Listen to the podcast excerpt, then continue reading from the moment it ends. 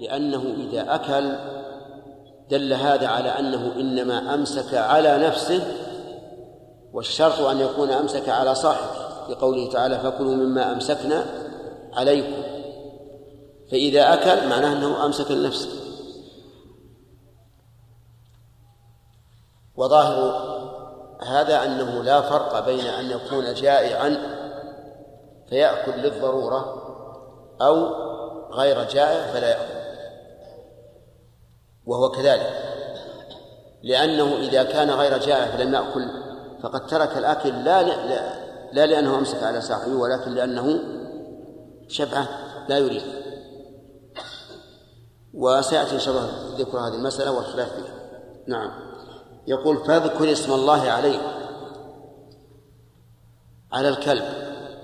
متى؟ عند إرساله. ولو تأخر صيده لو أرسلته عند طلوع الشمس وجعل يطارد الصيد ولم يتمكن منه إلا عند الزوال كانت التسمية مجزئة وصحيحة مع أنه طال الفصل بين إرساله وبين قتله قتل الصيد لكن هكذا أمر الرسول أن أن يذكر اسم الله عليه إذا أرسله كيف يذكر اسم الله عليه؟ يقول إذا أشلاه بسم الله. فينطلق الكلب. فمتى صاد الصيد ولو تأخر فإنه حلال.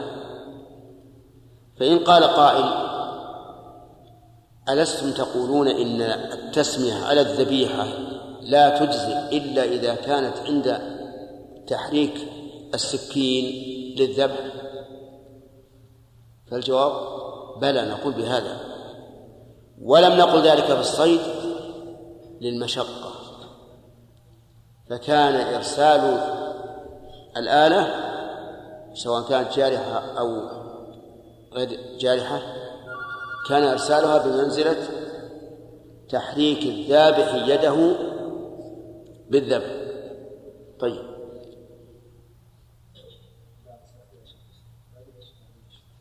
من ومن فوائد هذا الحديث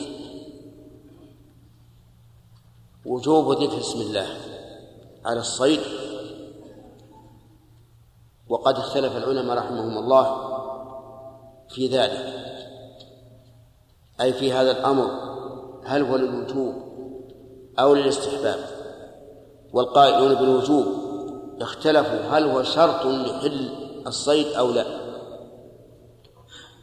فمن العلماء من قال إن التسمية على الصيد سنة وليست بواجبة.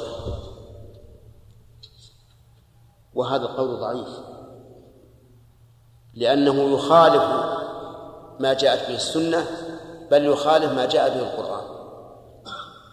أما مخالفته لما جاءت به السنة فإنه مخالف لقوله صلى الله عليه وعلى آله وسلم ما أنهر الدم وذكر اسم الله عليه فكل فاشترط لحل الأكل شرطين.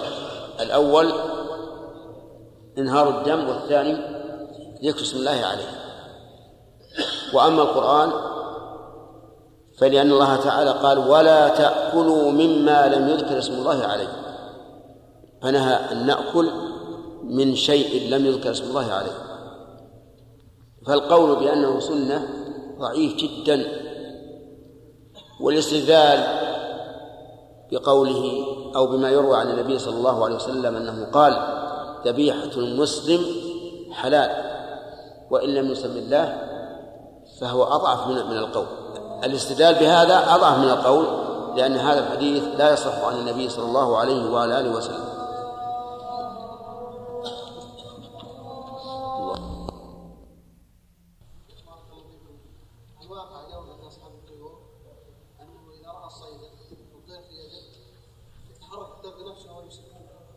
وإيش؟ نعم.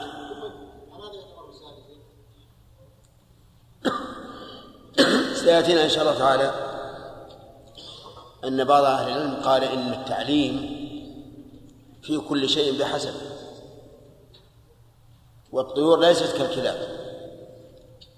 سيأتي إن شاء الله في شرح الحديث. نعم.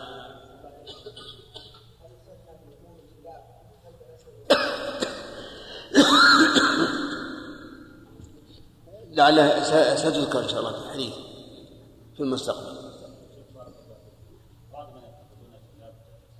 نعم.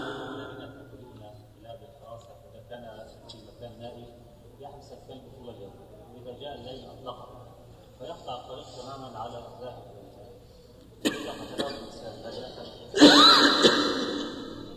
معلوم ما يجوز يقتله طريق الناس اي لابد ان هو إذا كان يقطع الطريق فهنا يطالب ولي الأمر بأن يقتله.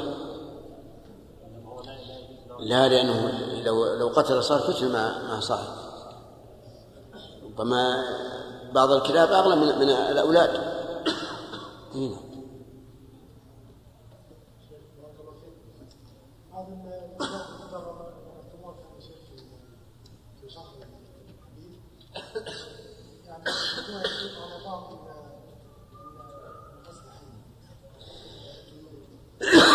على بعض إيش؟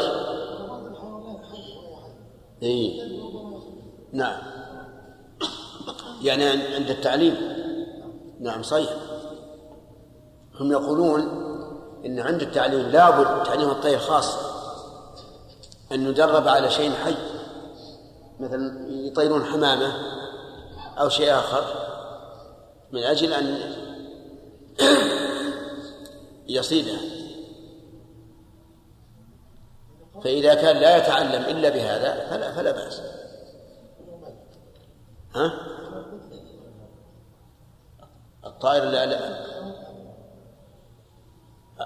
يعني طير الصيد ولا الطير الثاني؟ بعض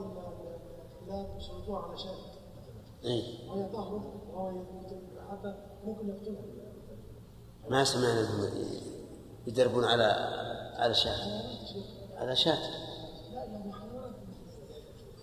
طيب. ما في بأس.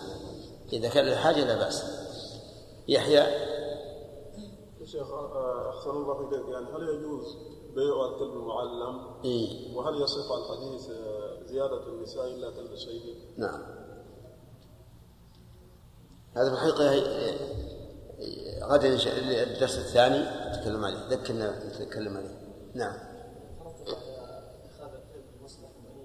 إيش؟ يترتب على اتخاذ الكلب بمصلحة من المصالح ضرر على هذا مثل التي تستخدم المخدرات الآن تدمن ثم تموت بعد تدمن على المخدرات؟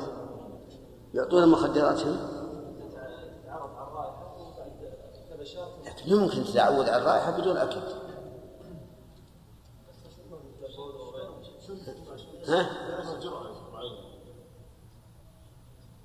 على كل حال كل ما كان من مصالح بني آدم لا بأس به لكن إذا قتلتم فأحسنوا قتله وإذا ذبحتم فأحسنوا إيه. لا ما يجوز.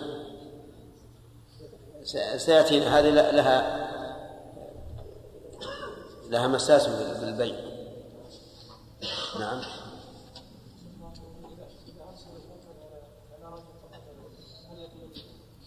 إيه.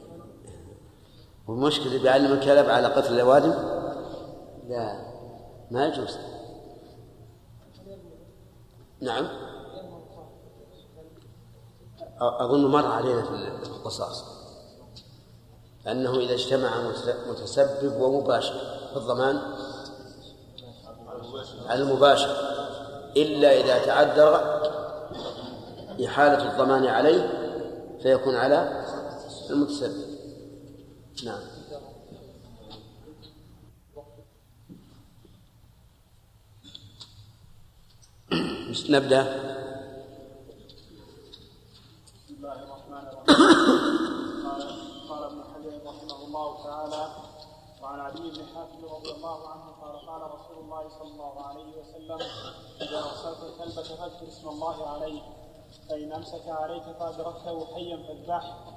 وإن أدركته قد قتل ولم يأكل منه فكل. وإن وجدت مع كلبك كلبا غيره وقد قتل فلا تأكل. فإنك لا تدري أيهما قتله. وإن رميت بسهمك فاذكر اسم الله تعالى. وإن غاب عنك يوما فلم تجد فيه إلا أثر سهمك فكل شئت. وإن وجدته غريقا في الماء فلا تأكل. متفق عليه. وهذا لفظ مسلم.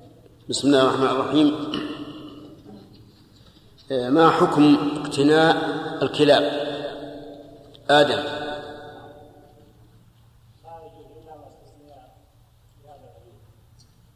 ما هو؟ ما المستثنى؟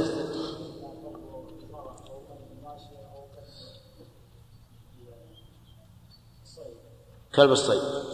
طيب. ما هي الحكمة من من التحريم؟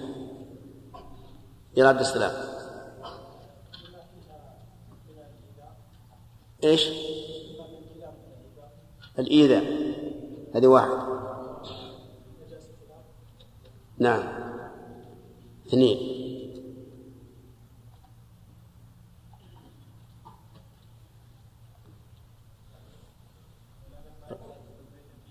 إيش؟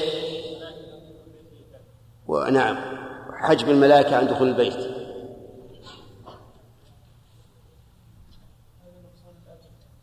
لا هذه عقوبة. نقصان الأجر هذه عقوبة. ها؟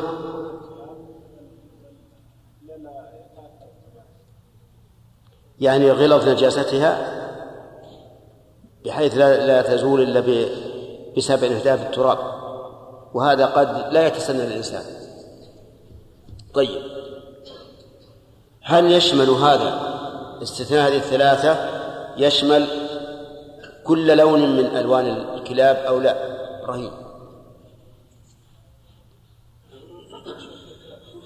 ها. خلاف بن جني ولا خلاف محقق؟ نعم كيف؟ نعم.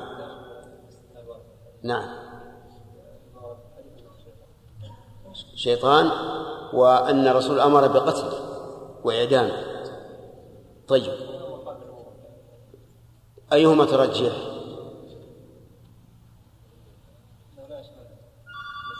أنه لا يشمل لأن النهي هذا أخص الأمر بالقتل وأخبار أنه الشيطان أخص طيب.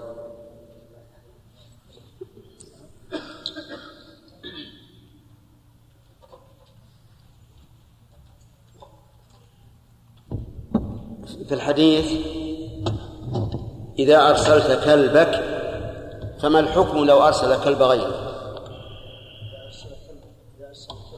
نعم.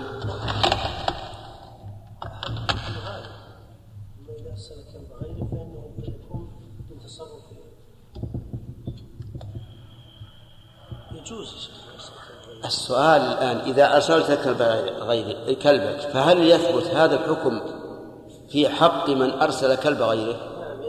يثبت. إذا ما الفائدة من قوله إذا أرسلت كلبك؟ كاشف لأنه هذا الأصل أن يرسل الإنسان كلب يعني بناء على إيش؟ الغالب بناء على الغالب طيب. آه، رجل أخذ سكين غيره فذبح بها. يحيى. أتحل الذبيحة؟ إي نعم. تحل الذبيحة؟ كما لو أرسل. كلب غيره فصاد طيب. لو قدر أن هذا غاصب يا خالد أنه غصب السكين أو غصب الكلب وصاد به.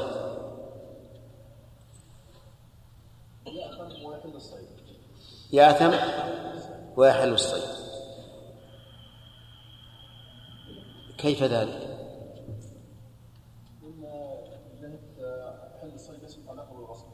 ها؟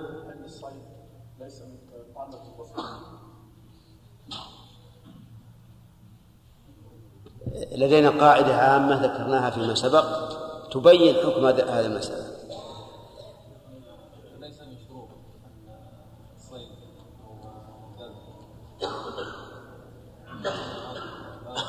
لكن هذا الرجل استعمل هذا الشيء في شيء محرم. غصب السكين وذبح به.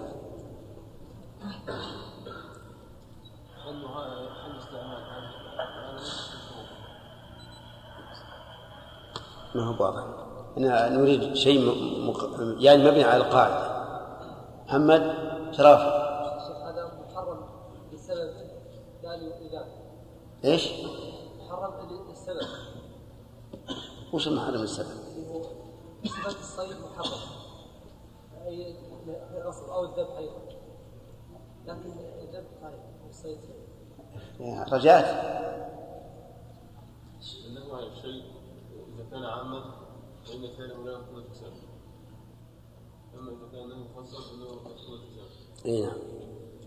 القاعدة إذا كان لشيء بمعنى يختص بالمنهي عنه فهذا يفسد. يعني لو قال الشرع لا تذبح بآلة مغصوبة وذبح حرم. أو لا تصد بكلب مغصوب لكن المحرم الغصب عموما. لا تغصب ونظير ذلك الصلاة في الثوب المغصوب. وقد قررنا هذه القاعدة في القواعد. الصلاة في الثوب المغصوب الصحيح أنها تصح. لأن النهي لا يختص بالصلاة. يعني لم يكن النهي لا تصلي بثوب مغصوب وإنما قال لا تغصب الثوب. اصبر. أفهمتم الآن؟ فصار القاعدة إذا كان التحريم يختص على وجه يختص بالعبادة فإنها لا لا لا, لا تصح وإن كان عاما صحت طيب ذكر اسم الله على الكلب إذا أرسل. إذا قال قائل لماذا لا يجب الذكر عند اقتناص الكلب للصيد؟ نعم. نعم. للمشقة والحرج لأنه سوف يعدو ولا أدري متى يصيب الصيد بالقنص وهذه وهذه الشريعة قد رفع فيها الحرج. طيب. نستمر في شرح الحديث الآن. يقول النبي صلى الله عليه وعلى آله وسلم وإذا فإذا أرسلت كلبك فاذكر اسم الله عليه. فإن أمسك عليك فأدركته حيا فاذبحه قوله فإن أمسك عليك أخذ منه العلماء أنه يشترط أن لا يأكل منه شيئا. لأنه إذا أكل فإنما أمسك على نفسه ولم يمسك على صاحبه. وقد جاء مصرحا به في الحديث أيضا. وعلى هذا فنقول من شرط حل صيد الكلب أن يكون أمسك على صاحبه بحيث لا يأكل منه شيئا. وقول فأدركته حيا فاذبحه. ظاهر الحديث أدركته حيا أنه لا فرق بين أن يكون حيا حياة مستقرة أو يكون حيا كحياة المذبوح. ولكن هذا الظاهر غير مراد. هذا الظاهر غير مراد لأن المراد إذا أدركته حيا فيه حياة مستقرة. أما إذا أدركته وفيه حركة مذبوح فالقتل هنا قتل الكلب أو لا؟ هو قتل الكلب. فإذا كان قتل الكلب فإنه لا فإنه يحل لو أن الصيد جاء وقد قطعت أحشاؤه فري بطنه وقطعت أحشاؤه أو قطعت أوجاجه فإنه قد يتحرك لكن هذه حركة مذبوح لا تؤثر. فيكون قوله صلى الله عليه وعلى آله وسلم أدركته حيا أي حياة مستقرة. وإن أدركته قد قتل ولم يأكل منه هذا الحديث فكله. اشترط النبي عليه الصلاة والسلام أن لا يأكل منه. ووجه الشرط ظاهر. لأنه إذا أكل منه فإنما أمسك أمسك على نفسه فلا يحل. يقول وإن, وإن وجدت مع كلبك كلبا غيره وقد قتل فلا تأكل. فإنك لا تدري أيهما قتله. هذا أيضا يقول فيه الرسول عليه الصلاة والسلام إذا أدركت مع كلبك كلبا غيره فلا تأكل لأنك لا تدري أكلبك قتله أم الكلب الآخر فنكون قد شككنا في الحل أي فيما فيما يحل به الصيد فإذا شككنا فيما يحل به الصيد لم يحل وظاهر الحديث العموم لكنه يقيد بما إذا كان الكلب الثاني لم لم يرسله صاحبه ويسمي عليه فإن كان الكلب الثاني قد أرسله صاحبه وسمى عليه فإن الصيد إيش؟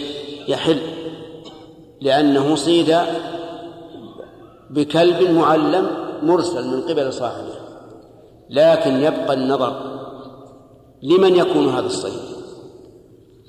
ألصاحب الكلب الأبيض أو لصاحب الكلب الأحمر؟ نعم. ما ندري من السابق. لو علمنا السابق عرفنا من, من, من, من الذي قتله. نعم. هل نقول يقرع بينهما أو يقسم بينهما أو يصلح أو يصلح بينهما؟ نعم. الظاهر أن أقرب الأقوال أو الاحتمالات أن يقسم بينهما لو أننا نعلم أنه إنما قتله كلب واحد لقلنا بإيش؟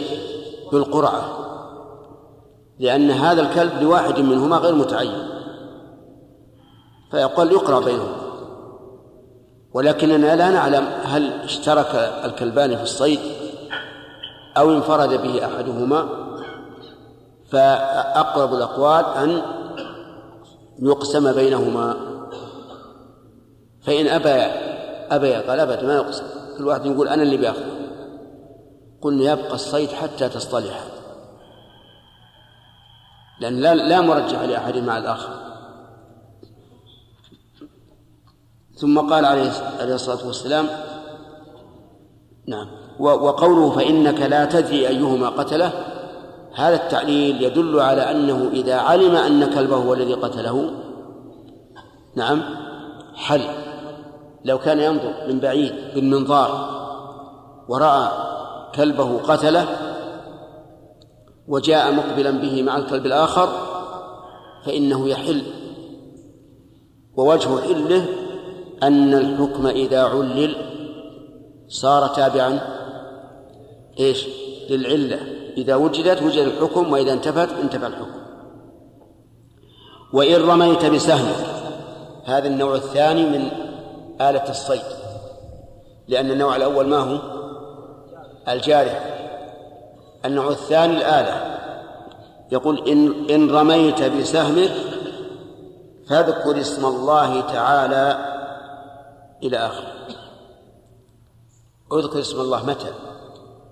أعند الرمي أم عند إعداد السهم؟ الجواب الأول عند إرسال السهم لا عند إعداده.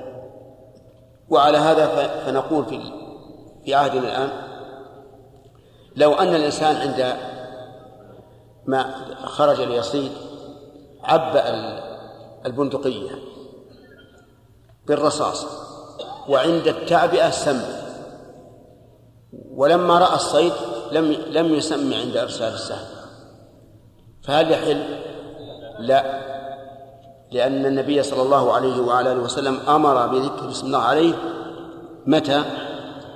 إذا أرسله إذا أرسل السهم كما أن الإنسان لو حد السكين ليذبح البهيمة وسمى عند حدها ولكنه لم يسمى عند الذبح فإنها لا تحل وقوله إذا أرسلت سهمك إذا وإن رميت بسهمك. ظاهره العموم بسهمك ظاهره العموم. أي أنه لو قدر أن السهم كان من العظام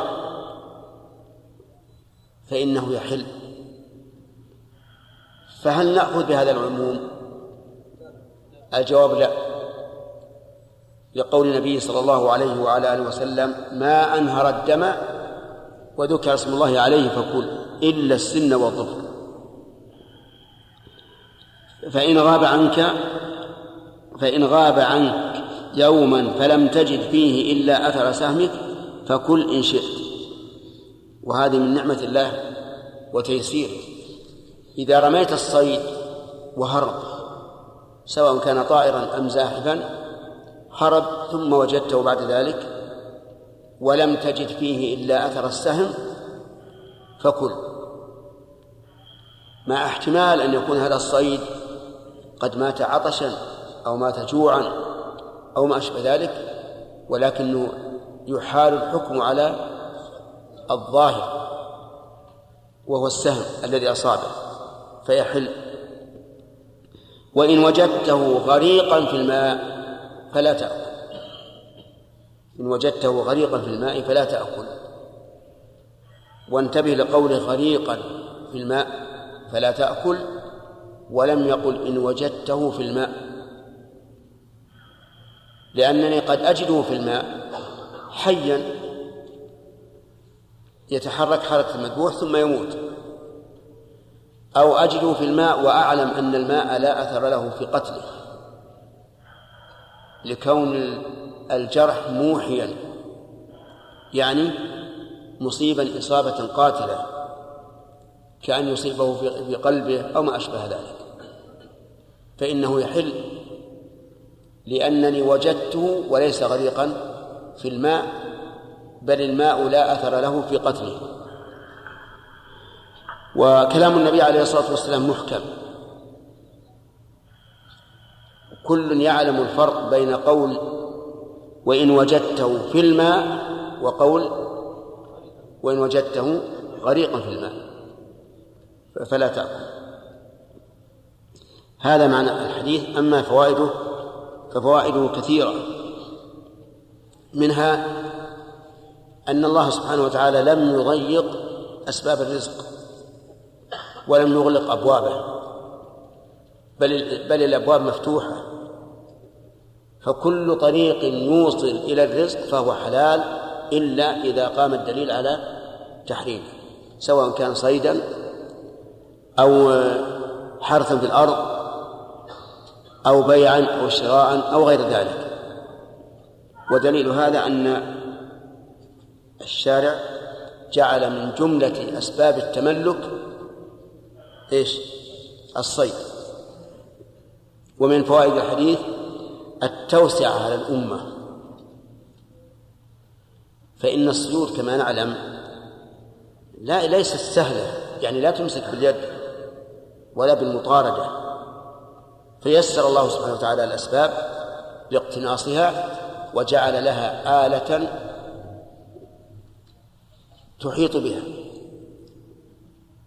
وهي الكلاب والسهام. ولكن قد يقع آه، التسهيل لاقتناص الصيود امتحانا. مثل قوله تعالى يا أيها الذين آمنوا ليبلونكم الله بشيء من الصيد تناله أيديكم ورماحكم ليعلم الله من يخافه بالغيب. وذلك أن الله تعالى أرسل الصيود على الصحابة وهم محرمون. حتى كانت أيديهم تناله ورماحهم. اليد تنال ما ما يزحف كالأرانب والضبع. والرماح تنال ما يطير. الرمح يقذفه الإنسان بيده. ولا ليس من العادة أن الإنسان يقتنص الصيد الطائر بالرمح. لكن الله عز وجل ابتلى الصحابة. ليعلم الله من يخافه بالغيب. فعلم الله عز وجل من هؤلاء الصحابة الأخيار أنهم يخافونه بالغيب.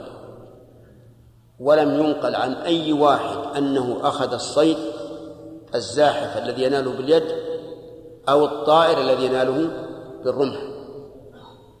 وهذا مما يدل على كمال هذه الأمة ولله الحمد. فإن بني إسرائيل ابتلاهم الله تعالى بالحيتان يوم السبت وقد حرم عليهم صيدها. فماذا صنعوا؟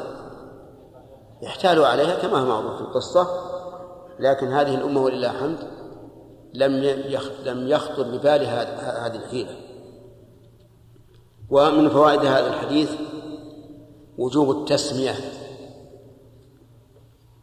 قبل ذلك من فوائد هذا الحديث جواز الصيد بالكلاب.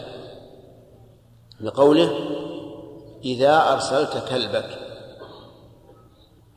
وكما سمعنا في المناقشة أنه يشمل ما إذا أرسل كلب غيره وتقييد الكلب بإضافته إلى المرسل من باب الغالب فلا يكون مخرجا لما سواه. فهل يلحق بالكلب ما سواه مما يصاد به؟ الجواب نعم. لكن النبي صلى الله عليه وعلى آله وسلم ذكر الكلب لأن غالب ما يصاد به في عهده هو الكلاب. فإذا وجد غير الكلاب كالفهود وغيرها مما لا نعلمه ويعلمه أهل الصيد فإنه يحل. وهذا الحديث بالنسبة للآية أخص من الآية والآية أعم. وهذا شيء قليل يعني قليل الوجود. الغالب أن النصوص النبوية تكون أعم. لكن في هذا في هذا الحال صار النص القرآني أعم من السنة لقوله تعالى وما علمتم من الجوارح مكلفين فالجوارح عام يشمل الكلاب وغيرها. لكن قلت لكم إن تقييد السنة ذلك بالكلاب بناء على أن ذلك هو الغالب. ومن فوائد هذا الحديث وجوب ذكر اسم الله تعالى على على الكلب إذا أرسل. لقوله فاذكر اسم الله عليه. وهل المراد ذكر هذا اللفظ بعينه أو ذكر كل اسم يختص بالله؟ يعني بمعنى هل يجب أن تقول بسم الله أو يجوز أن تقول باسم الرحمن باسم الواحد القهار؟ نعم. الظاهر الثاني. أن المراد بذلك الثاني وأنه إذا ذكر الإنسان أي اسم يختص بالله جاز. لكن من باب الاحتياط نقول الأولى أن تقول بسم الله. نعم. من فوائد هذا الحديث تيسير الشريعة حيث كانت تسمح ليست عند إصابة الصيد بل عند إرسال الجارحة السهم أو الكلب. ومن فوائد هذا الحديث وجوب تذكية الصيد إذا أدركه حيا. لقوله فأدركته حيا فاذبحه.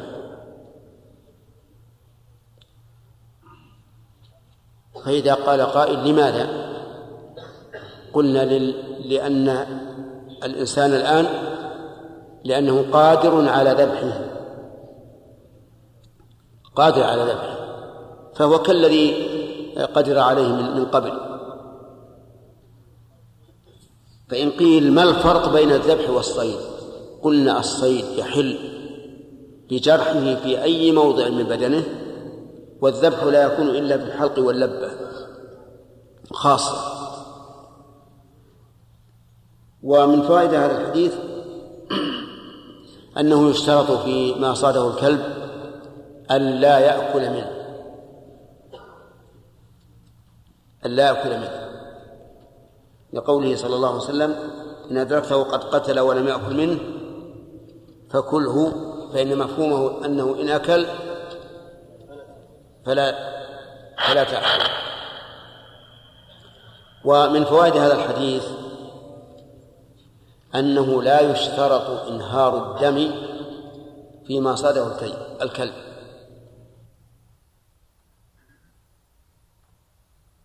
من أين يؤخذ؟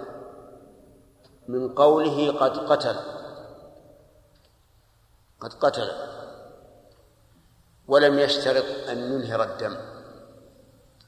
وهذه المسألة فيها خلاف بين العلماء فمنهم من أخذ بذلك وقال إنه إذا جاء به الكلب وقد قتل وقد قتله ولو خنقا فإنه يحل لقوله قد قتل. ولم يشترط انهار الدم ولم يقل قد ذبحه ولم يقل قد نحره مثلا وهي عندي محل توقف. لأنه تعارض فيها عموم هذا الحديث وعموم قوله ما أنهر الدم وذكر اسم الله عليه فكل. ويرجح الثاني أنه لا بد من انهار الدم يرجح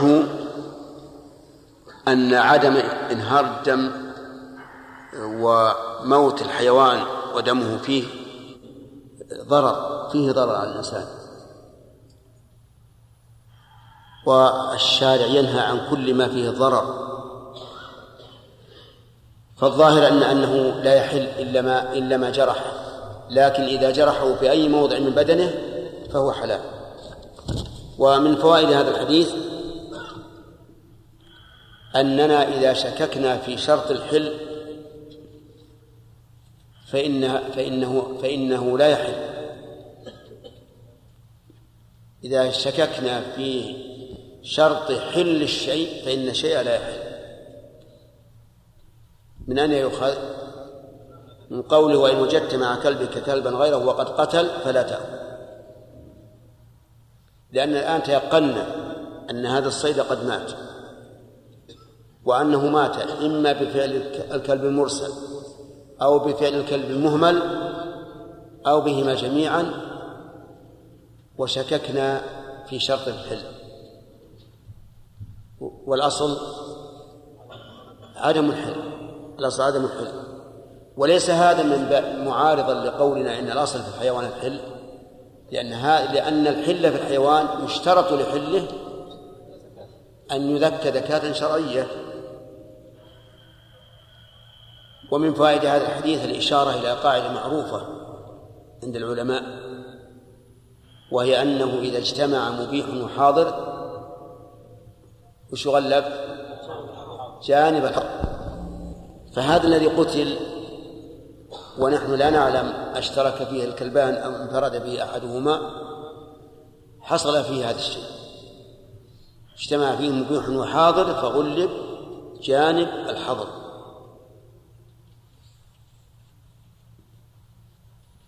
ومن فوائد هذا الحديث حسن تعليم الرسول عليه الصلاة والسلام. لقوله صلى الله عليه وعلى آله وسلم فإنك لا تدري أيهما قتله. وهكذا ينبغي للمفتي أن يذكر ما يقتنع به المستفتي. لأنه إذا ذكر للمستفتي ما يقتنع به أخذ الفتيا بقلب مطمئن واستراح لها.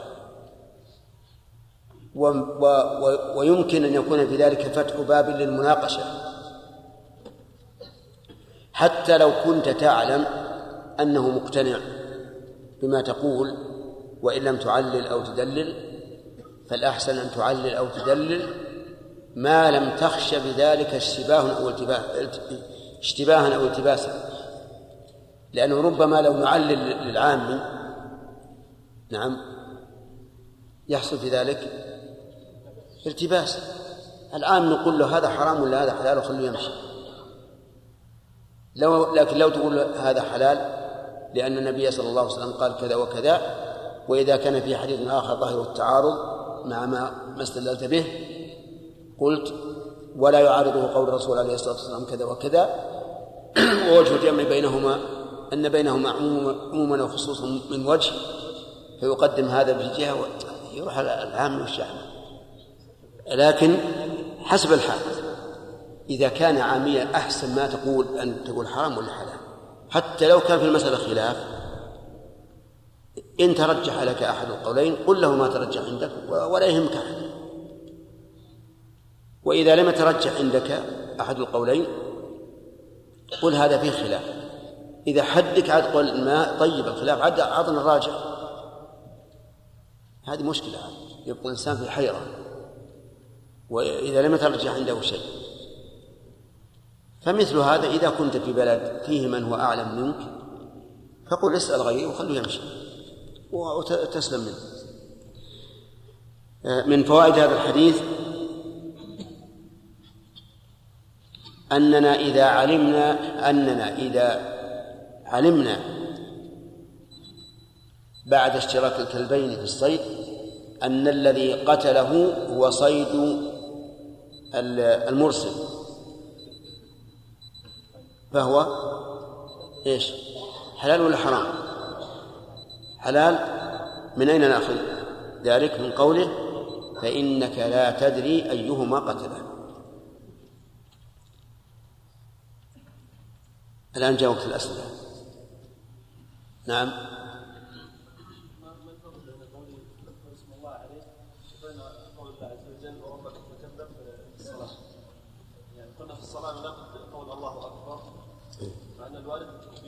نعم. هذا هذا حجة عليك. لأن الله لم يقل والله فكبر. قال وربك فكبر ونحن نقول ربنا أكبر ولا الله أكبر؟ الله أكبر. نعم. فهمت الآن ولا ما فهمت؟ طيب نعم. لو صاد صيدا وسقط ولكن لم يمت. فرماه مرة أخرى لقتله هل يجوز؟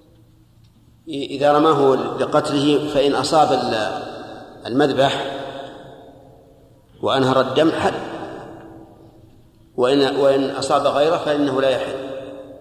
لأنه لما أتركه حيا لم يبقى عليه إلا الذبح. عبيد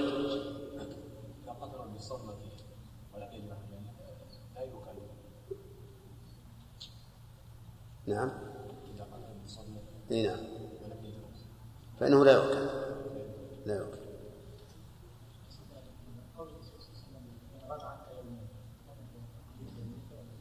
لا ما في تقدير هذا كأنه قال ساعة أو حينا. نعم. لو لو لو على الذابح هل سمى ولا؟ إذا اشتبه هل سمى لا فإنه لا يحل.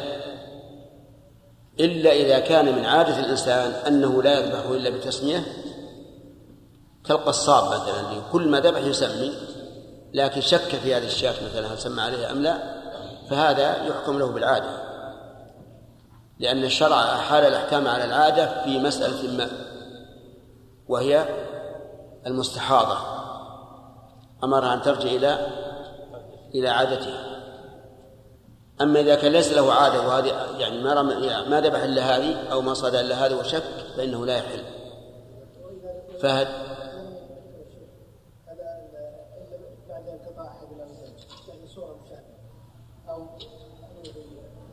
يعني ما يصلح. إذا قطع ال- ال- الأوداج خلاص ماتت. نعم. إيش؟ فهل تنحر فهل ما. لا ينحر إلا الإبل فقط. وما عدا ذلك فإنه يذبح. هذا هذا هذا الذي ذكر العلماء. أن النحر للإبل والذبح لمن سواه. نعم. شيخ بارك الله فيكم بعض الناس يصيد طيرا. فإن وقع حيا نزع ريشة من هذا الطير وأدخل من أصل الريشة في عنق الطير. ثم نزعها عرضا نزع ريشة عرضا فبذلك تنقطع أوداجه ما ما يصح. لأن هذه لا تجرح هذه كأنك أنت مكعتها بيدك حتى تقطعت. شيخ شيخ سلامك الله. سواء هذه الصورة تنقطع فقط- الأوداج والعنق لا ما ف... ما فرق أوداجا تقول من من من, من وراء الوجهين ثم سحبه. نعم دخل الريشة في العنق من خلف الوجهين. ثم نزع ريشة عرضا. ما يصلح هذا. الأوداج إيه ما يصلح هذا.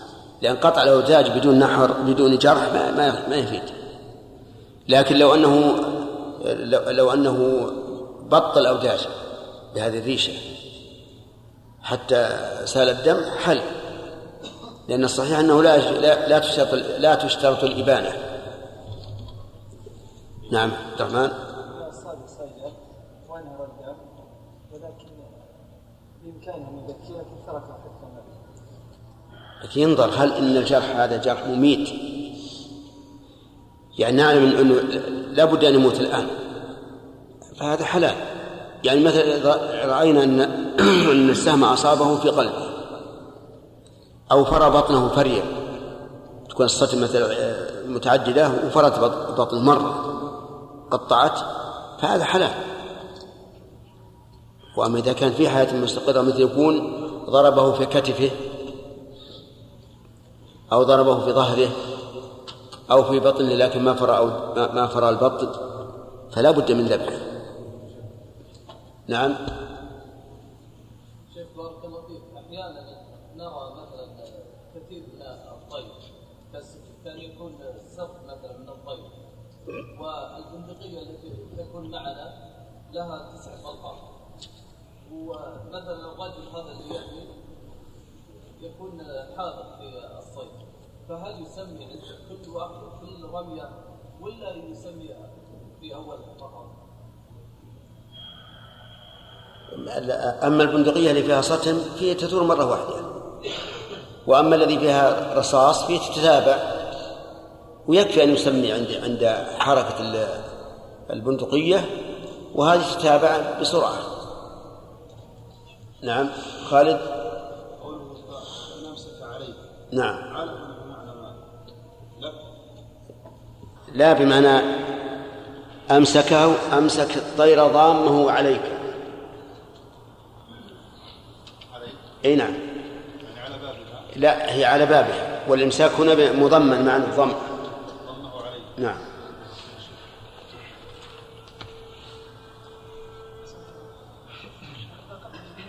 إيش؟ إذا ها؟ إذا قتل إذا قتل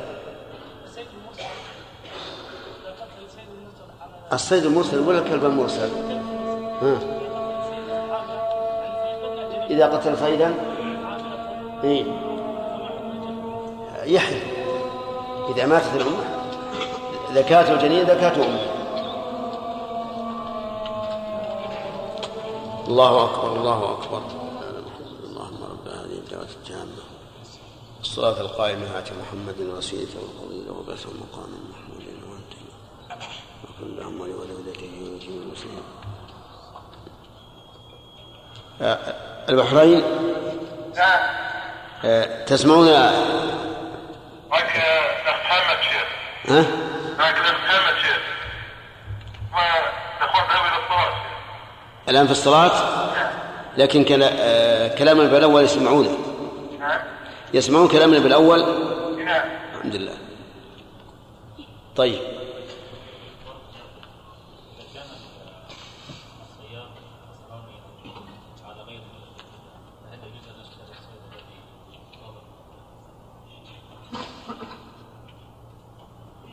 هذا كالذبح اليهود والنصارى صيدهم حلال وكذلك المسلمين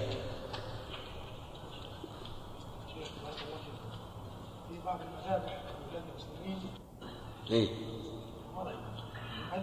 إذا علمت أن الذي ذبح هذه البهيمة لا يصلي أو أن الذي أن, أن الذي صاد الصيد لا يصلي فلا تأكل طيب وش ها؟ الغالب الغالب أكثرهم لا يصلي لا يصلون إيه؟ لا لا ما يجينا شرح في, في حديثنا مقبل إن شاء الله. نعم. آدم؟ قلنا العظم العظم فلا يجوز قتل به آه، شيخ الحديث واما وأما وصف الذبح وأما السن فعظم شيخ ما يكون خاص بالسن فقط. أيهما أعم؟ العلة أو المعلول؟ في الحديث. العلة. طيب. إذا إذا كانت العلة العظم لازم أن نقول كل عظم فهذا حكمه أما لو قال إلا العظم لأنه سن مثلا. حينئذ نخصص العظم. لكن من لما قال إلا السن فإنه عظم نعمم. فالعلة تعم بعمومها. نعم.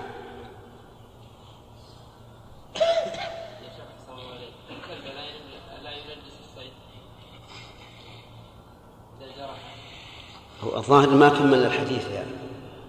لكن إن شاء الله في الدرس القادم تذكرنا عشان نتكلم عليه؟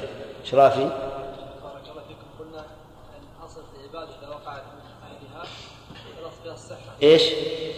العبادة اذا وقعت من اهلها خلاص فيها الصحه ما وصلنا في نعم إيش؟ هل يدخل ضمن العظم؟ كيف؟ العاج العاج وش العاج؟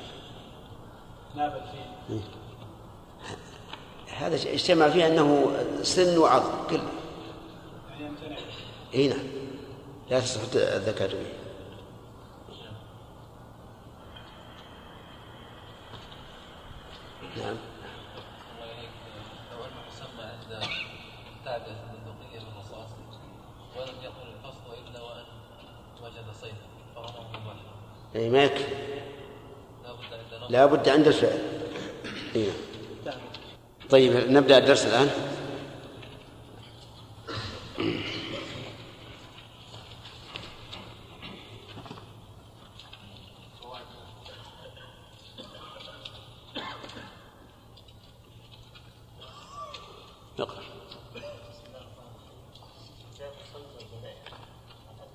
باب باب الصوم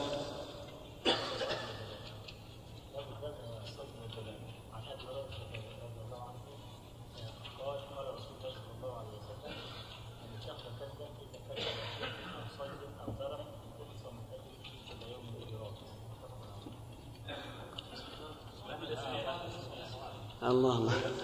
ها؟ كيف؟ اي طيب. بعد ثلاثة؟ على كل حال هذا أدى قبل حلول الأجل لا بأس مقبول. آه، اقرأ الدرس اليوم. طاهر. ما خلص نقل المصنف رحمه الله تعالى عن أبي عن علي بن حاتم رضي الله عنه قال قال رسول الله صلى الله عليه وسلم إذا أرسلت كلبك فاذكر اسم الله عليه فإن أمسك عليك فأدركته حيا فاذبحه وإن أدركته قد قتل ولم يأكل منه فكل.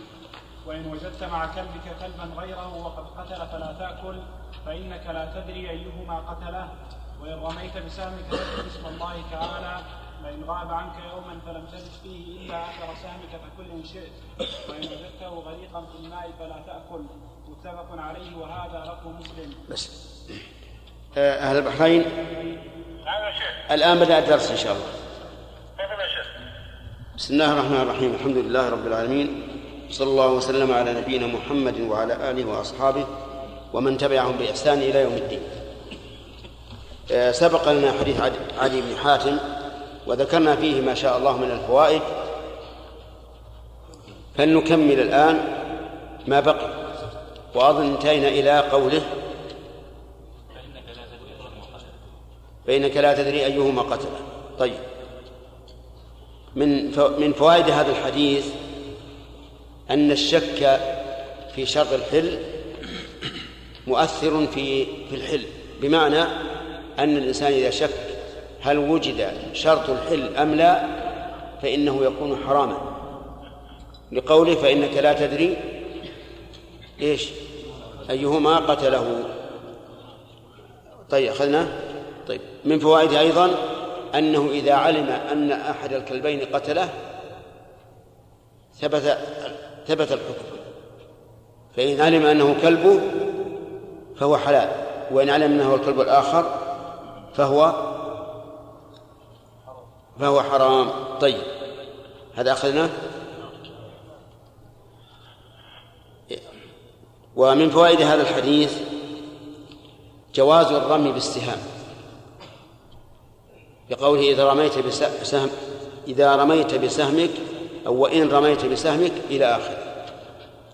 ووجه الجواز أن النبي صلى الله عليه وعلى آله وسلم جعله سببا للحلم يتفرع على هذه الفائدة أنه ينبغي للإنسان أن يتعلم كيف يرمي. ما دام الرمي مصدرا للرزق فإن طلب الرزق مأمور به. وما توقف عليه المأمور به كان مأمورا به. على أن الأمر بتعلم الرماية له جهة أخرى وهي الجهاد في سبيل الله. ولهذا أباح الشرع فيه أباح فيه العوض والمراهنة. مع أن المغالبة بالرهان في غير ذلك لا تجوز.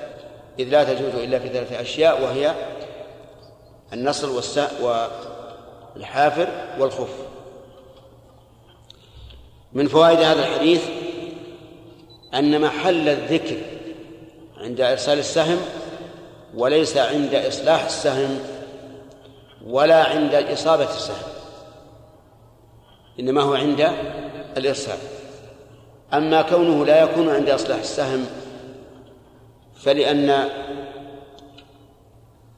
المدة تطول بين إصلاح السهم وبين رميه.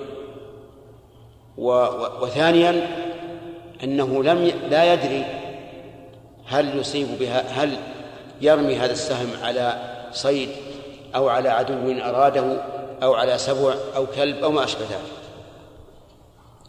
وأما كونه لا يجب عند الإصابة فلأن هذا من الأمور الشاقة أو إيش؟ أو المتعذرة لهذا وضع الشرع والحمد لله عن هذه الأمة هذه المشقة. ومن فوائد هذا الحديث أنه إذا غاب الصيد الذي أصابه السهم ثم وجده ولم يجد فيه إلا أثر سهمه كان حلالا. حتى لو فرض أنه بقي ساعة أو ساعتين بعد إصابة السهم ثم مات فإنه حلال. بينما لو أدركه الإنسان عند إصابة السهم فإنه حيا حياة مستقرة فإنه يجب عليه أن يذكيه. لكن هنا لما غاب صارت تذكيته متعذرة. ولهذا سمح فيه حتى لو غلب على الظن أنه سيبقى نصف يوم في هذا في هذا الجرح ولم نجد فيه إلا أثر السهم فهو فهو حلال. وهذا من باب التخفيف على الأمة لأنه في هذه الحال عاجز عن تذكيته. والعاجز والمعجوز عن تذكيته حكمه حكم الصيد. ومن فوائد هذا الحديث أنه يشترط لما غاب عن الرامي أن لا يجد فيه أثرا إلا أثر سهم. لقوله فلم تجد فيه إلا أثر سهم ومن فوائده أنه إذا وجد فيه أثرا سوى أثر سهمه فإنه لا يحل. ولكن هل هذا على الإطلاق أو فيه تفصيل؟ ينبغي أن يقال فيه تفصيل. وذلك لعلمنا بالعلة في عدم الحل. ما هي العلة؟ لأننا لا ندري أمات بسهمه أم بما أصابه من غيره. وبناء على ذلك إذا علمنا أن الذي أماته سهمه وأن السهم الآخر إنما أصابه في رجل أو في جناح أو ما أشبه ذلك فهنا مقتضى الأدلة السابقة واللاحقة أنه إيش؟ أنه حلال. وعلى هذا فيكون مفهوم لا عموم له. وهذه قاعدة مفيدة وهي أن المفهوم لا يتناول جميع الصور فيما عدا المنطوق بل قد يكون في بعض الصور تفصيل وهذا شيء كثير هذا شيء كثير. منها مثلا حديث ركانة حين طلق زوجته ثلاثا في مجلس واحد فسأله النبي قال في مجلس واحد؟ قال نعم قال هي واحدة.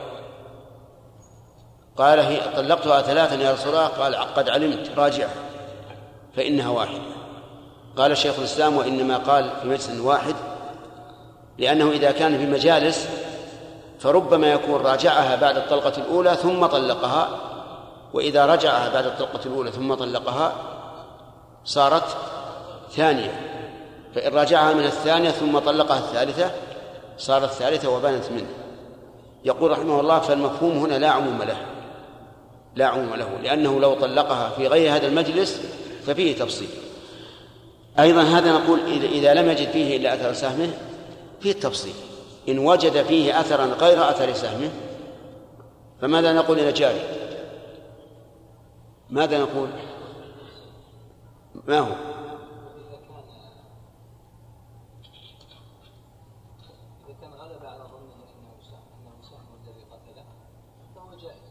وإن وجد أثرا آخر.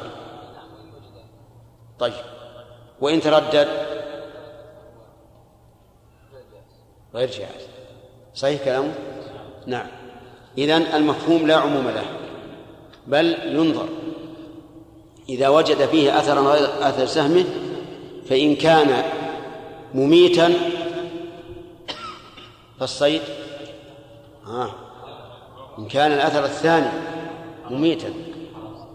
فالصيد حرام. لأننا لا ندري أيهما قتله وربما يغلب على ظننا أنه قتله غير سهمه إذا كان سهمه خفيفا.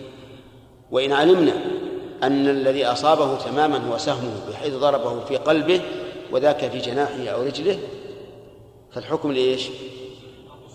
لسهمه فيكون حلالا. طيب. ومن فوائد هذا الحديث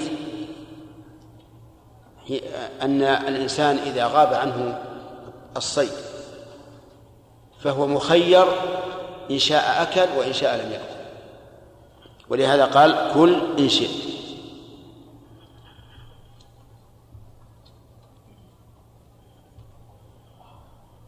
هذه قد يقول قائل هذا كقول القائل السماء فوقنا والأرض تحتنا لكن نقول لا هي لها فائدة. قوله إن شئت. لأنه إذا تركه عافته نفسه فلا يقال إن هذا من باب إضاعة المال وأنه لا يحل له أن يدع الأكل. بل نقول له أن يدع الأكل. لأن الرسول قال إن شئت. ربما يكون هذا الصيد كبيرا يساوي مثل 200 300 ريال أكثر. فتكرهه نفسه حين غاب عنه. فنقول الحمد لله. الرسول عليه الصلاة والسلام خيرك قال إن شئت. بينما لو كان آه، لو كان النفس لا تعافه لكان تركه إيش؟ إضاعة للمال. ولم نقل ولا ولا نخيره في ذلك. من فوائد هذا الحديث أيضا أنه إذا وجد الصيد غريقا في الماء فلا يأكل. غريقا في الماء فلا يأكل لماذا؟ علله النبي صلى الله عليه وسلم في حديث آخر قال فإنك لا تدري الماء قتله أم سام ولهذا قال غريقا. ما قال إن وجده في الماء بل قال غريقا في الماء. يعني بمعنى أننا نعلم أنه مات بإيش؟ بالغرق. وعليه. فإذا كان الجرح موحيا أي قاتلا ووجدناه في الماء فهل نأكل أو لا؟ نأكل لأننا نعلم أنه مات بالسهم وليس بالغرق. ومن فوائد ومن فوائد هذا الحديث أنه لو وجد حريقا في نار فهل يؤكل أم لا؟ نعم. في هو في الواقع قد لا نستطيع العثور على الجرح محترق. لكن إن أمكن أن آه، يعني نعرف أن الجرح هو الذي قتله فهو كالماء. لكن لما كان الحريق أو المحترق لا يتبين فيه أثر السهم؟ قلنا لا تأكل. لأن تبين أثر السهم في الحرق إيش؟ بعيد جدا بخلاف الغرق. ومن فوائد من فوائد الحديث أيضا الحكم بالظاهر. الحكم بالظاهر وأنه وإن احتمل شيء آخر شيء آخر فلا عبرة به. لأنه قال إن غاب عنك يوما ولم تجد فيه إلا أثر سهمك فكل إن شئت. وهذا أيضا وهذا غالب أحكام الشريعة مبنية على الظاهر.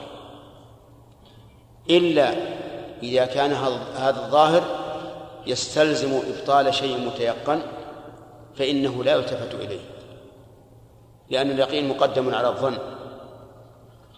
مثاله رجل وجد حركة في بطنه ثم أشكل عليه أنتقض وضوءه أم لا وغلب على ظنه أنه انتقض وضوءه. فهل يجب أن يتوضأ؟ لا. لا. ولهذا قلنا ما لم يكن الظاهر مبطلا ليقين فإنه لا يلتفت إليه. إذ أن الظاهر ظن والظن لا يسقط به اليقين. ولهذا قال النبي عليه الصلاة والسلام فيما أشكل عليه أخرج منه شيء أم لا؟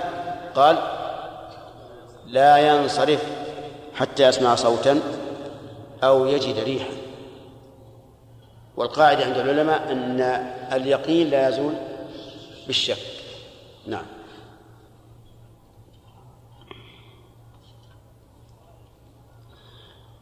من فوائد الحديث أن ظاهره أنه لا فرق بين أن يصيبه السهم بعرضه أو بحده ولكن هذا الظاهر غير مراد لأنه سيأتينا أنه إذا أصاب بعرضه فهو وقيد ميتا وإن أصاب بحده فهو حلال.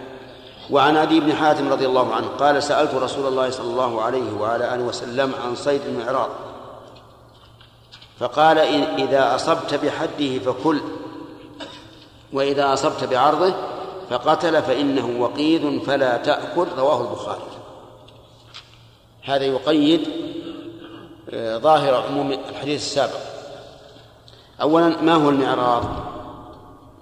المعراض هو حصى عصا في رأسها حديدة محددة. يصطاد به الناس. كما قال تعالى يا أيها الذين آمنوا لا يبلونكم الله بالشيء من الصيد تناله أيديكم ورماح فهو رمح في الواقع. يقذف به الصائد على الصيد فإما أن يصيب بحده وإما أن يصيب بعرضه. إن أصاب بحده يقول النبي صلى الله عليه وسلم فكل. لأنه إذا أصاب بالحد مع قوة الرمي انجرح فأنهر الدم. وإن أصاب بالعرض فإنه لا ينجرح. وإذا قدر أن الصيد مات فقد مات بثقله إيش؟ لا لا بحده. ولهذا قال إنه وقيد وقوله عن صيد المعراض عن صيد المعراض هذا من باب إضافة الشيء إيش؟ إلى نعم إلى آلته أو نوعه. نعم. وقوله فإنه وقيد وقيد بمعنى موقوذ. ولفظ الآية الكريمة إيش؟ والموقوذة. وهي التي قتلت بشيء ثقيل لا بشيء حاد. نعم.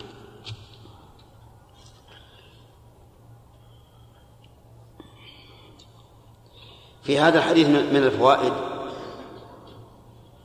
حرص الصحابة رضي الله عنهم على التعلم حتى في في المسائل غير الدينية.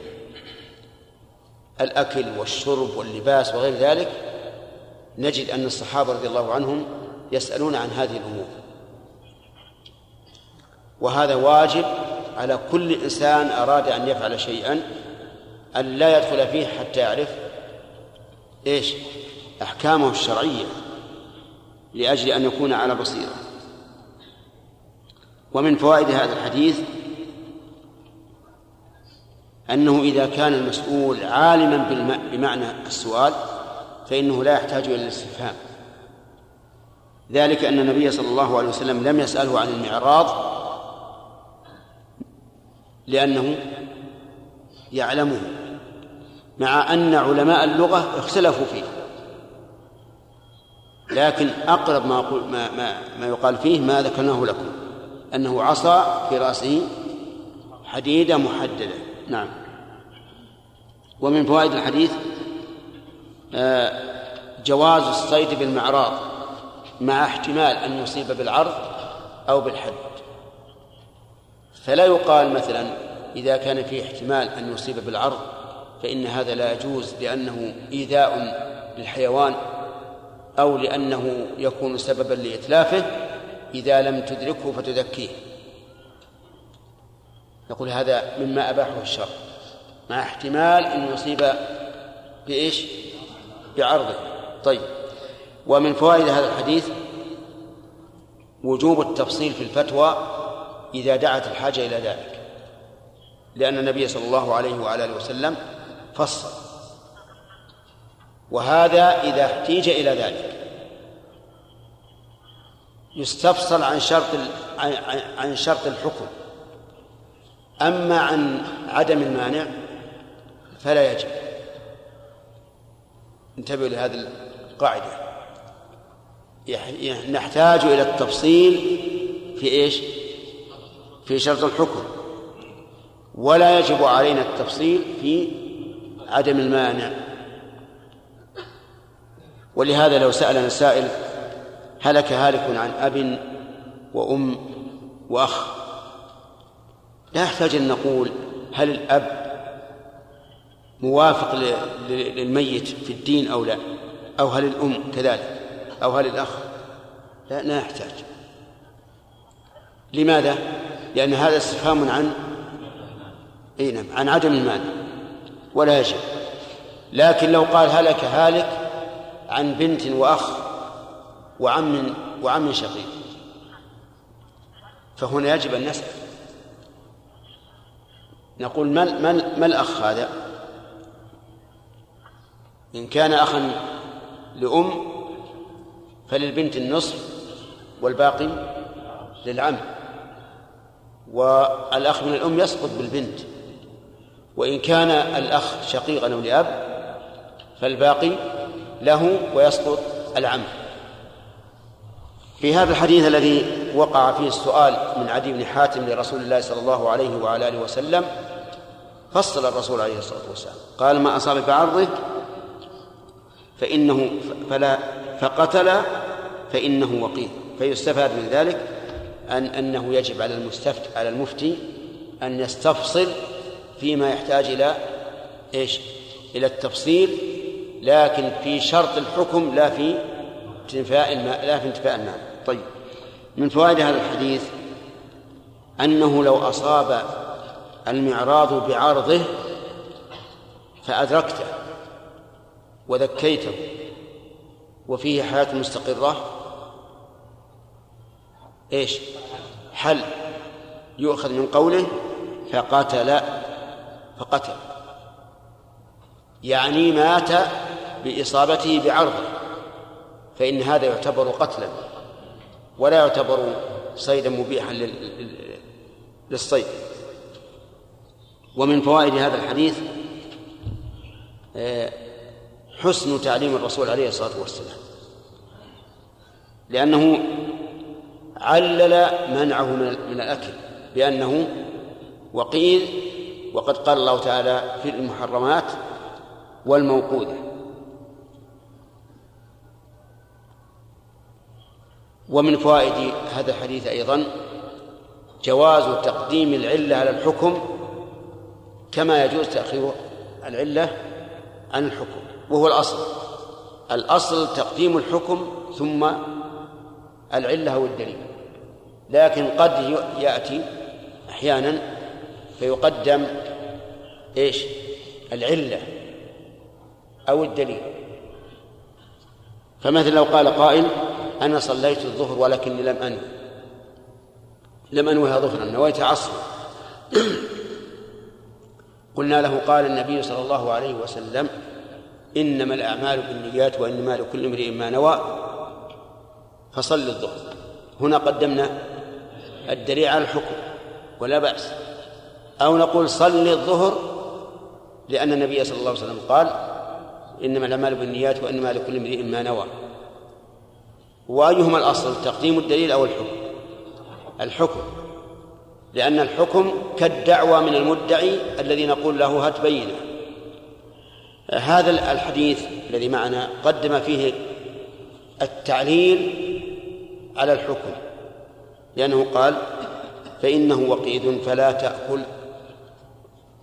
طيب لو فرض أن الرسول عليه الصلاة والسلام لم يقل فلا تأكل هل يستفاد من حديث التحريم؟ لماذا؟ لأنه وقيل طيب. فيه تنبيه نبهنا عليه جزاه الله خير هذا هذا. وهو إذا أمسك الكلب الصيد هل يجب غسل ما أصابه؟ ما أصابه فم الكلب من الصيد. وهذه مسألة مهمة. معلوم أن الكلب لعابه من أخبث النجاسات. يجب غسل ما أصابه كم؟ سبع مرات إحداها بالتراب. ومعلوم أنه إذا صاد الكلب فلا بد أن يصيبه أن يصيب آه، أن أن يصيبه يعني إذا صاد الكلب صيدا فلا بد أن يصيب الصيد من لعابه. فهل يجب غسله؟ اختلف العلماء في هذا.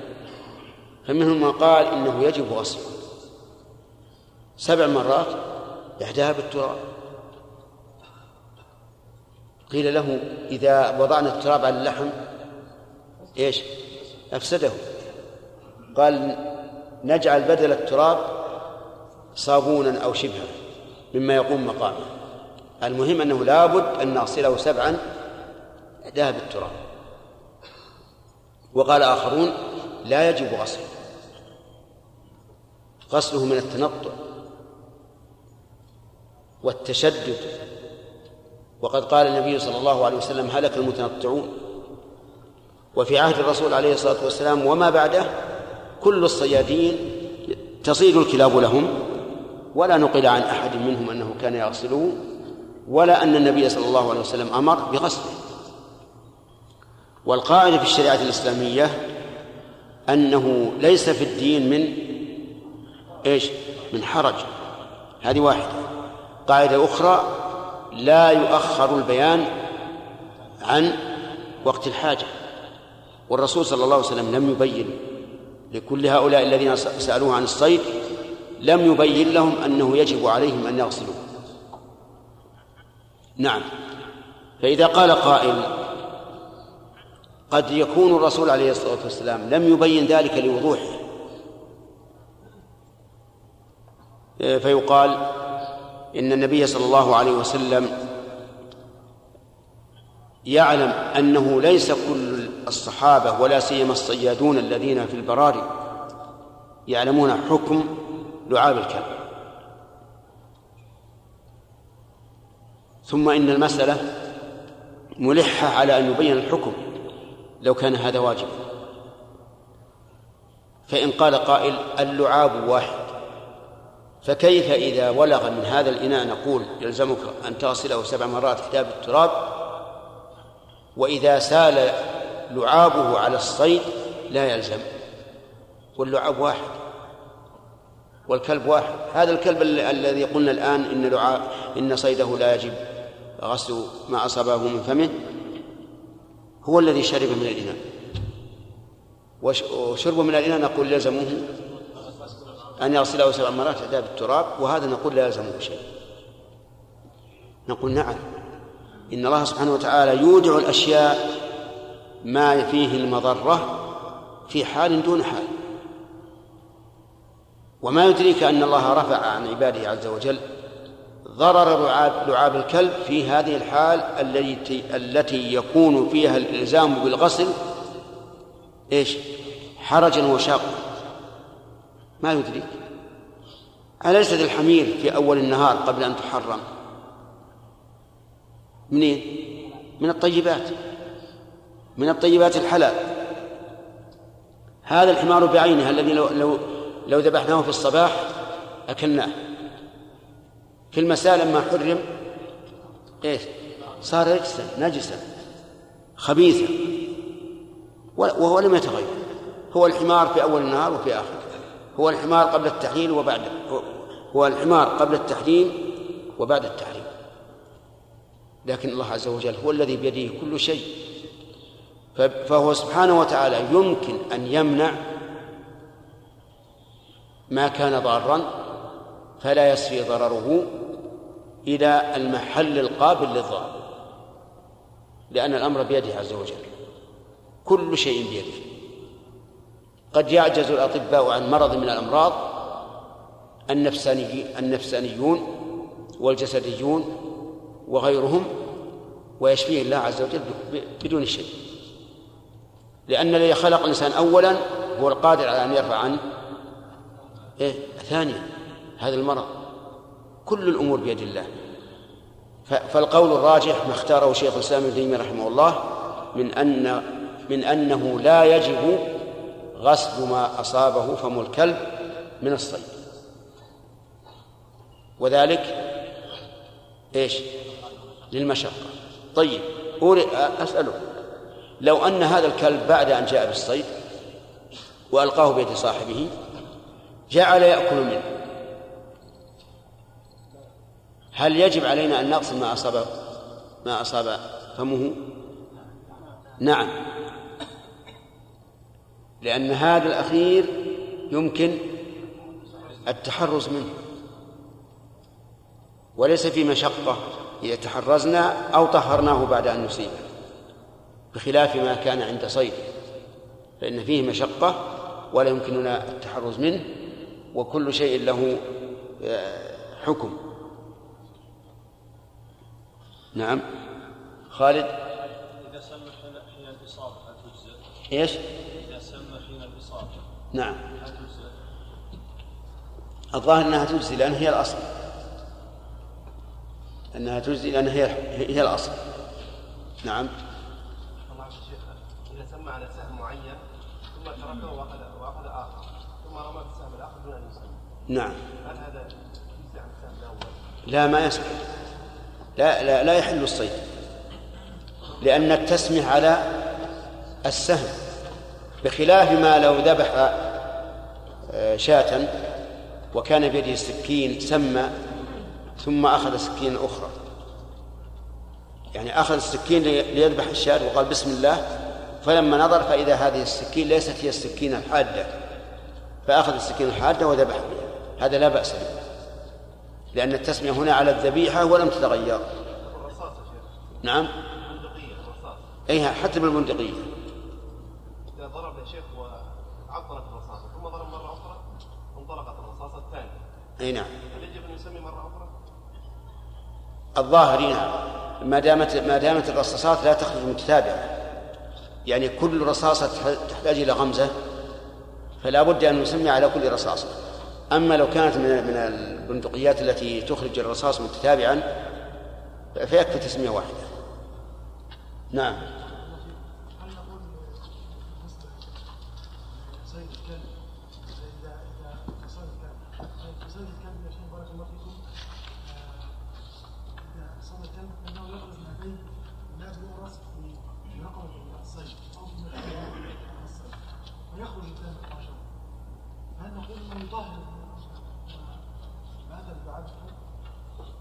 الدم يطهر على الكلب؟ اي نعم إيه, إيه. آه. الدم نجس الدم نجس اي نعم.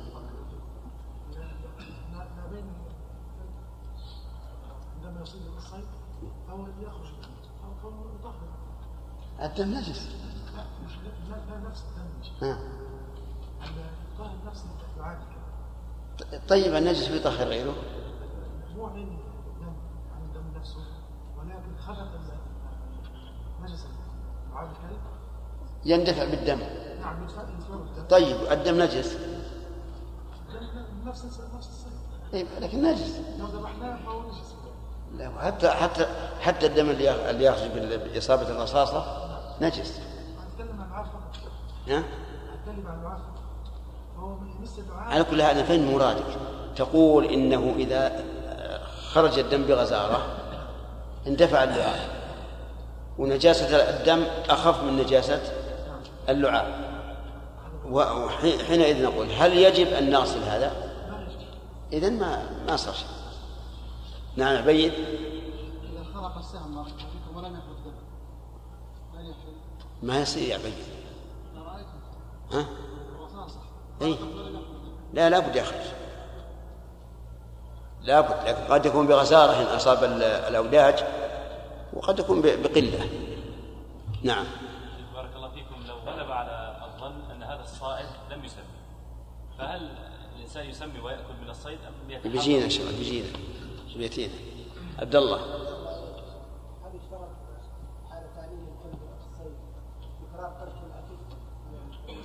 لا. لكن ما دام لم يتعلم فلا يحل صيده. يعرف بالتكرار. إيه يصير مثلا عشرين مرة ثلاثين مرة وفي النهاية صار لا لا لا, لا يأكل. نعم.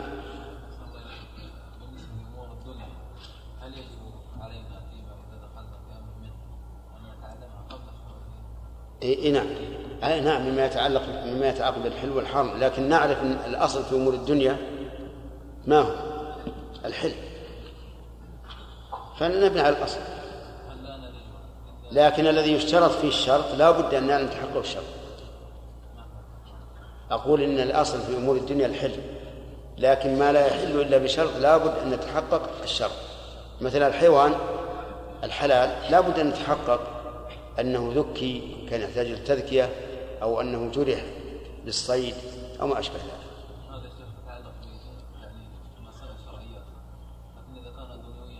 مثل. كان يدخل في هندسه بيت هندسه بيت نعم. فلا يتقنه اذا تعلمها لا هذه ما لها ما لها دخل. ما هي في الحكم هذه. هذه مثل قولها أنتم أعلم بأمور دنياكم. ما ما لها تعلق بالحكم.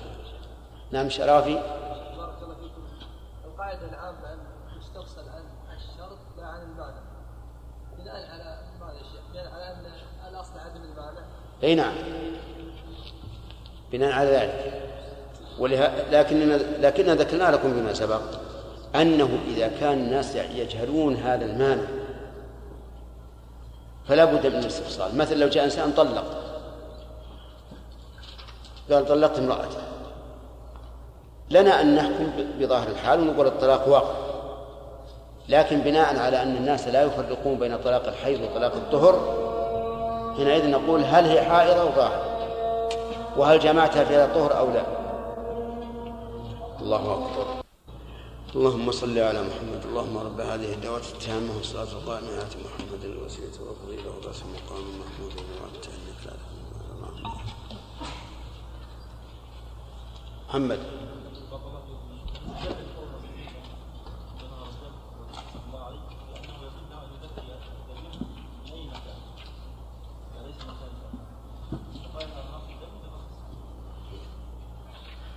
من قال هذا ما يصير. ما يمكن ينهر, الدم إلا مع الرغبة. لا ما ينهر لأن الدم ما يكون انهار إلا إذا فريت الأوداج. ولهذا كان القول الراجح أنه إذا لم تفر الأوداج ولو قطع الحكم والمري فهي حرام. هنا وأيضا ورد حديث أن الرسول بعث منادي ينادي في منى إنما النحر في. في ال... في الح... في الحلق واللبة نعم. لو أرسل على صيد معين عنه هذا الصيد ووجد الكلب صيدا اخر طبعا على وجد صيدا فصاد الكلب لم ينوي المرسل. نعم. وكذلك البندقية. إذا رمى على طير وكان بجانبه طير آخر ولم يره. نعم. وسمى على الأول ولم يسمي على الثاني. أما الأول ففيه خلاف. فيه خلاف بين العلماء. فمن العلماء من قال إذا أرسله على صيد ولم يدركه ثم أدرك غيره وجاء به فهو حلال. لعموم قوله فكلوا مما أمسكنا عليه. والإرسال حصل من الصائد. فوجد شرط الحل وهذا أقرب من حيث النظر لأن الكلب الآن استرسل بأمر وصاد لي فيدخل في, في, في الآية. لكن الاحتياط والورع لا يأكل منه. أما مسألة البندقية فإذا كان أرسلها على صيد وأصابت غيره فإنه لا يحل. إذا كان لم يره ولم يشاهده لأن البندقية ليس لها إرادة بخلاف الكلب فإن له إرادة وقد صاد الصيد الثاني لصاحبه. أما إذا أرسلها على فرق من الطير وكان يظن أن لا تصيب إلا واحدا أو اثنين فأصابت عشرة فهي حلال. نعم سليم.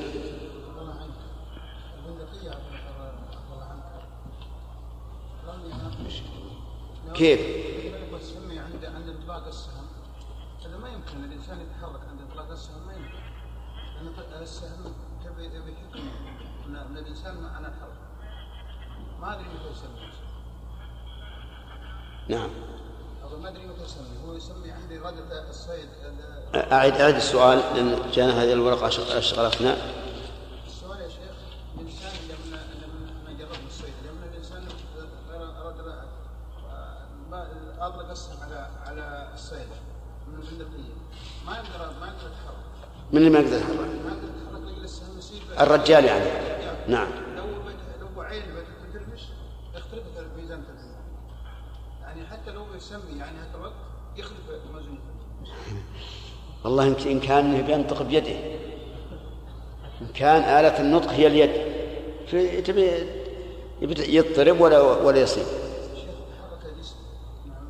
عجيب. والله أما أنا أنا شوفوا يا جماعة ما أنا بهاريكم أنا. أكلمكم ولا لا؟ جسمي يتحرك. نعم. أنا فاهم وأنا لا تظن أني ما أعرف. أنا قد رميت وسميت.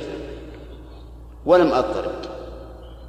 ما عندنا اضطراب يا شيخ. ها؟ الحين البندقيه اللي صار سهمها واحد بعد ما هو مثل اللي صار سهمها واحد أي. بدل ما تربيبها تربيبها غزال بعيد. نعم. هو اهم ما الغزال مثل انها الحين لو انك لا- الانسان لما لو ترمش عينه ولا ولا بيتحرك قلبه يعني عن صحيح رمش العين أو حركة اليد صحيح لا لو هو قلبه بيتحرك عن منزلته منزلته البندق ما صاب نصب الصيد هي لكن القلب ما هو متحرك إذا قلت بسم الله لو بس يطري في القلب يعني ادنى حركه نجرب إن شاء الله